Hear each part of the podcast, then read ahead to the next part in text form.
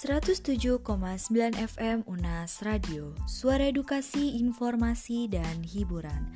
Selamat siang listener, selama 30 menit ke depan, saya Adifa Rahma akan menemani kalian dengan segmen Future.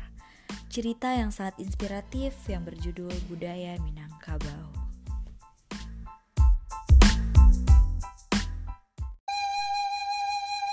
Budaya Minangkabau adalah kebudayaan yang dimiliki oleh masyarakat Minangkabau dan berkembang di seluruh kawasan daerah perantauan Minangkabau. Budaya ini merupakan salah satu dari dua kebudayaan besar di Nusantara yang sangat menonjol dan berpengaruh. Budaya ini memiliki sifat egaliter, demokratis, dan sintetik yang menjadi antitetis bagi kebudayaan besar lainnya yaitu budaya Jawa yang bersifat feodal dan sinkretik. Berbeda dengan kebudayaan yang berkembang di dunia yang menganut sistem parnial. Budaya Minangkabau justru menganut sistem matrinial baik dalam hal pernikahan, persukuan, warisan, gelar adat, dan sebagainya. Berdasarkan histori, budaya Minangkabau berasal dari Luhu Nantigo, yang kemudian menyebar ke wilayah rantau di sisi barat, timur, utara, dan selatan dari Luhuk Nantigo. Saat ini wilayah budaya Minangkabau meliputi Sumatera Barat bagian Riau, pesisir barat Sumatera Utara, bagian barat Jambi, bagian utara Bengkulu, bagian barat daya Aceh, Budaya Minangkabau pada mulanya bercorak budaya animisme Hindu-Buddha. Kemudian sejak kedatangan para reformasi Islam dari, dari Timur Tengah pada akhir abad ke-18, adat dan budaya Minangkabau yang tidak sesuai dengan hukum Islam dihapuskan. Para ulama yang dipelopori oleh Haji Piobang, Haji Miskin, Haji Sumanik mendesak kaum adat untuk mengubah pandangan budaya Minang yang sebelumnya banyak berkiblat kepada budaya animisme dan Hindu-Buddha. Untuk berkiblat kepada syariat Islam, budaya menyambung ayam, mengadu kerbau, berjudi, minum tuak, diharamkan dalam pesta-pesta adat masyarakat Minang. Reformasi budaya di Minangkabau terjadi setelah Perang Padir yang berakhir pada tahun 1837. Hal ini ditandai dengan adanya perjanjian di Bukti Marapalam antara alim ulama, tokoh adat, dan cadiak pandai. Mereka bersepakat untuk mendasarkan adat budaya Minang pada syariat Islam. Kesepakatan tersebut tertuang dalam sebuah adaigum berbunyi Adat Basandiang Syarak Syarak Basandiang Kitabullah Syarak Mangato Adat Mamakai yang artinya adat bersendikan kepada syariat syariat bersendikan kepada Al-Quran. Sejak reformasi budaya di pertengahan abad ke-19, pola pendidikan dan pengembangan manusia di Minangkabau berlandaskan pada nilai-nilai Islam. Sehingga sejak itu setiap kampung atau jorong di Minangkabau memiliki masjid. Selain surau yang ada di tiap-tiap lingkungan keluarga, Pemuda Minangkabau beranjak dewasa diwajibkan untuk tidur di surau. Di surau, selain belajar mengaji, mereka juga di tempat latihan fisik berupa ilmu bela diri pencak silat. Orang Minangkabau dikenal sebagai masyarakat yang memiliki etos kewirausahaan yang tinggi. Hal ini terbukti dengan banyaknya perusahaan serta bisnis yang dijalani oleh pengusaha Minangkabau di seluruh Indonesia. Selain itu, banyak pula bisnis orang-orang Minang yang dijalankan dari Malaysia dan Singapura. wirausaha Minangkabau telah melakukan perdagangan di Sumatera dan Selat Malaka. Sekurangnya sejak abad ke-17 hingga abad ke-18. Para pedagang Minangkabau hanya terbatas berdagang emas dan rempah-rempah. Meskipun ada pula yang menjual senjata dan kerajaan Malaka. Tetapi jumlahnya tidak terlalu besar. Pada awal abad ke-18, banyak pengusaha-pengusaha Minangkabau yang sukses berdagang rempah-rempah. Di Selat Malaka, nahkoda, nahkoda intan, nahkoda kecil, nahkoda bayan, merupakan pedagang-pedagang lintas selat yang kaya. Kini jaringan perantauan Minangkabau dengan aneka jenis usahanya merupakan salah satu bentuk kewirausahaan yang sukses di Nusantara. Mereka merupakan salah satu kelompok pengusaha yang memiliki jumlah aset cukup besar. Pada masa-masa selanjutnya, budaya wirausaha Minangkabau juga melahirkan pengusaha-pengusaha besar. Di antaranya Rukmin Zainal Abidin, Anwar Sultan Saidi, Abdul Latif Fahmi Idris. Pada masa Orde Baru, pengusaha-pengusaha dari Minangkabau mengalami situasi yang tidak menguntungkan karena tindakan kepribadian hak penguasa Orde Baru kepada penguasa pribumi.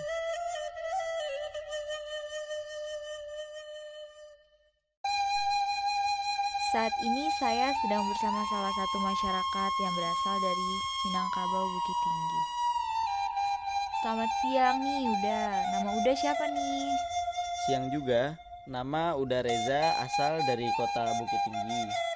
Udah, kalau boleh tahu nih, apa norma atau kebiasaan yang masih diterapkan di keluarga Uda yang masih berkaitan dengan kebudayaan Padang? Sampai saat ini saya dan keluarga masih menggunakan norma-norma adat Minang di kehidupan sehari-harinya. Yang masih diterapkan terutama adalah masakan. Di keluarga saya setiap harinya selalu ada masakan Padang. Selain itu, kami masih menggunakan bahasa Padang sebagai bahasa yang sehari-hari untuk berkomunikasi. Udah, di mana sih biasanya udah melakukan norma-norma yang terkait dengan budaya Minang? Saya biasanya melakukan norma tersebut di mana saja, tergantung tempat dan keadaan. Seperti saat bersama dengan teman-teman saya lainnya, kita saling berbagi, bercerita tentang budaya kita masing-masing. Terlebih dengan teman-teman yang di yang sedaerah dengan saya. Biasanya menerapkan norma-norma tersebut.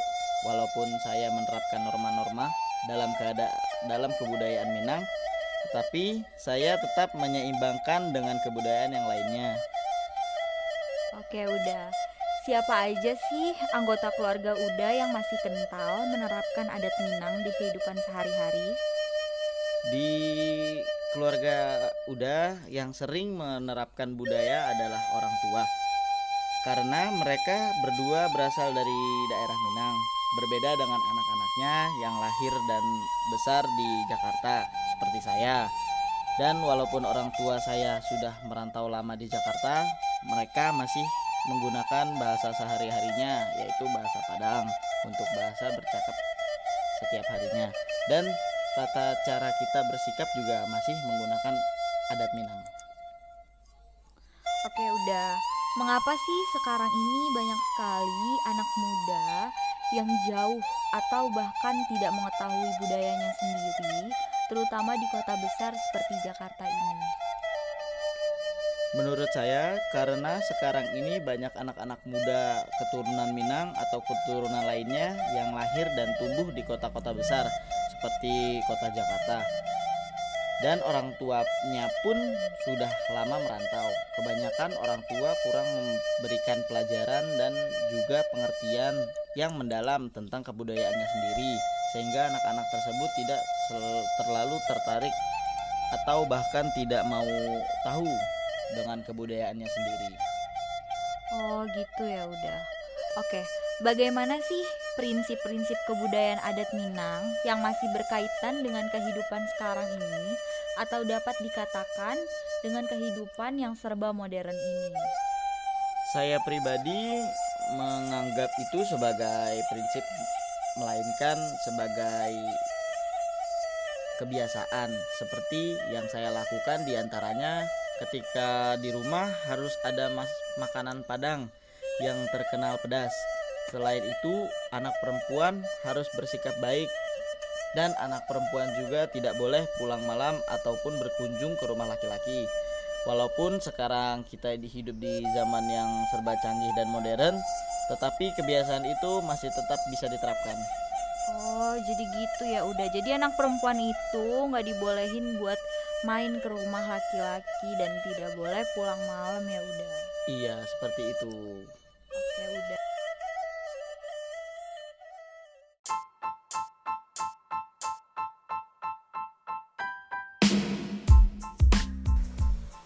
Oke, setelah ini kita masih banyak informasi nih listener mengenai budaya Minangkabau. Tapi sebelum kita lanjutin informasinya, kita dengerin dulu nih salah satu lagu dari Minangkabau, Ayam dan Lapeh dari Ria Amelia. Tetap stay tune di 107,9 FM Unas Radio. Buruhlah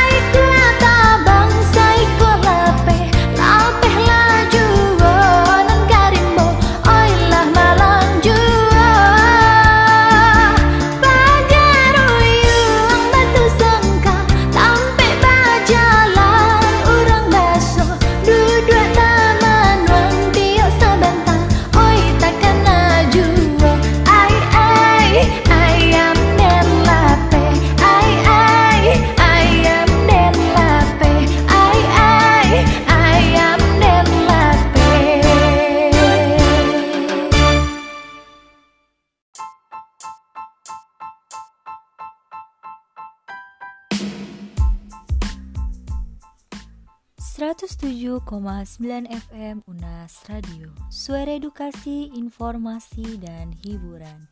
Masih bersama saya, Adi Farahma akan menemani kalian dengan segmen Peter Cerita yang sangat inspiratif yang berjudul Budaya Minangkabau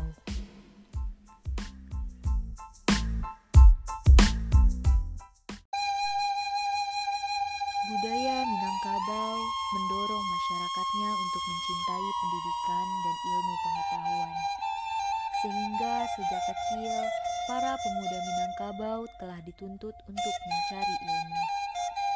Filosofi Minangkabau yang mengatakan bahwa alam takabang menjadi guru merupakan suatu adaigium yang mengajak masyarakat Minangkabau untuk selalu menuntut ilmu.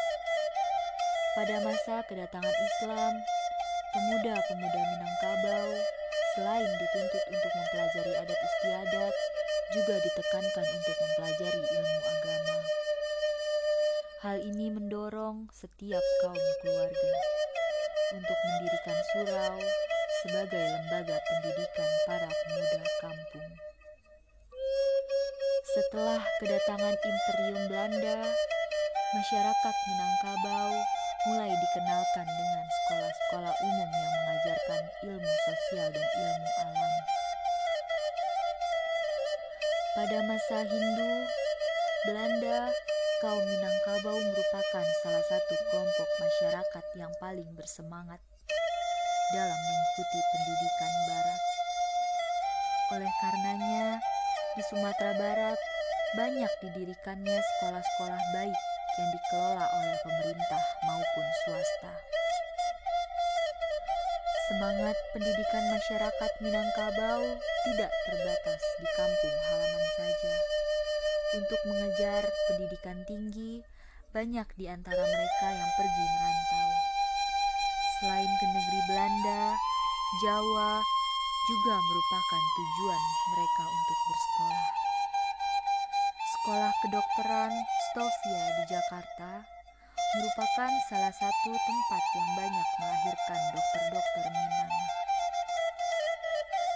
Data yang sangat konvertif menyebut pada periode 1900 sampai 1914 ada sekitar 18% lulusan Stovia merupakan orang Minang. Dalam budaya Minangkabau terdapat dua jenis harta pustaka, yaitu harta pusaka tinggi dan harta pusaka rendah. Harta pusaka tinggi merupakan warisan turun-temurun dari leluhur yang, yang dimiliki oleh suatu keluarga atau kaum. Sedangkan harta pusaka rendah merupakan hasil pencarian seorang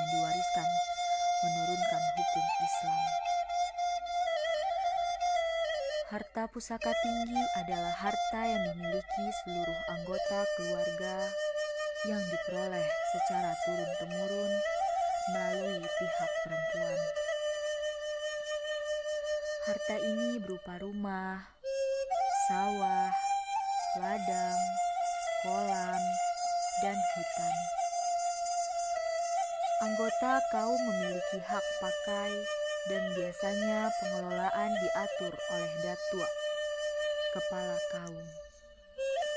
Hak pakai dari harta pusaka tinggi ini antara lain hak membuka tanah, memungut hasil, mendirikan rumah, menangkap ikan hasil kolam, dan hak mengembala. Harta pusaka tinggi tidak boleh diperjualbelikan dan hanya boleh digadaikan. Menggadaikan harta pusaka tinggi hanya dapat dilakukan setelah dimusyawarahkan di antara petinggi kaum. Diutamakan digadaikan kepada suku yang sama, tetapi dapat juga digadaikan kepada suku lain. Tergadainya harta pusaka tinggi karena empat hal. Yang pertama, gadih gadang tindak balaki atau bisa disebut perawan tua yang belum bersuami. Mai tabujua di ateh rumah atau bisa disebut mayat terbujur di atas rumah. Rumah gadiah katisiran bisa disebut juga rumah besar bocor. Membangkiak batang tarandam bisa disebut juga membongkar kayu yang terendam.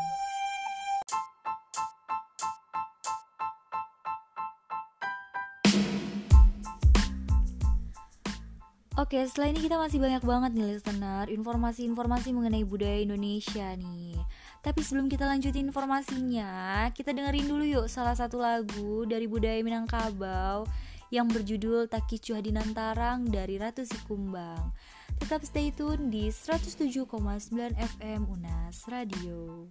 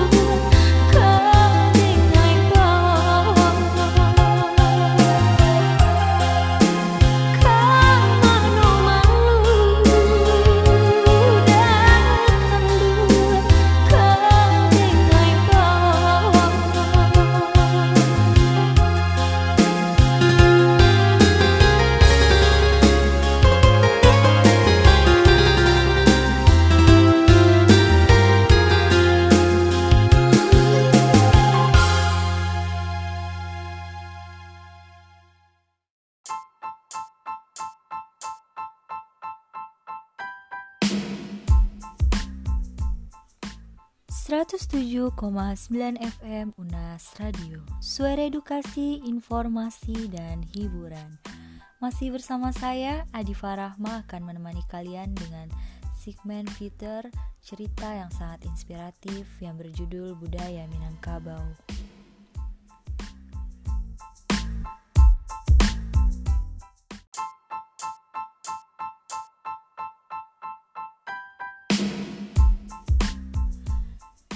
Di Minangkabau terdapat banyak objek wisata banget nih listener. Di sana tuh banyak banget objek wisata yang terkenal hingga pelosok negeri sampai wisata yang belum pernah didatangi oleh masyarakat luas sehingga pesona alamnya yang masih sangat indah dan mempesona.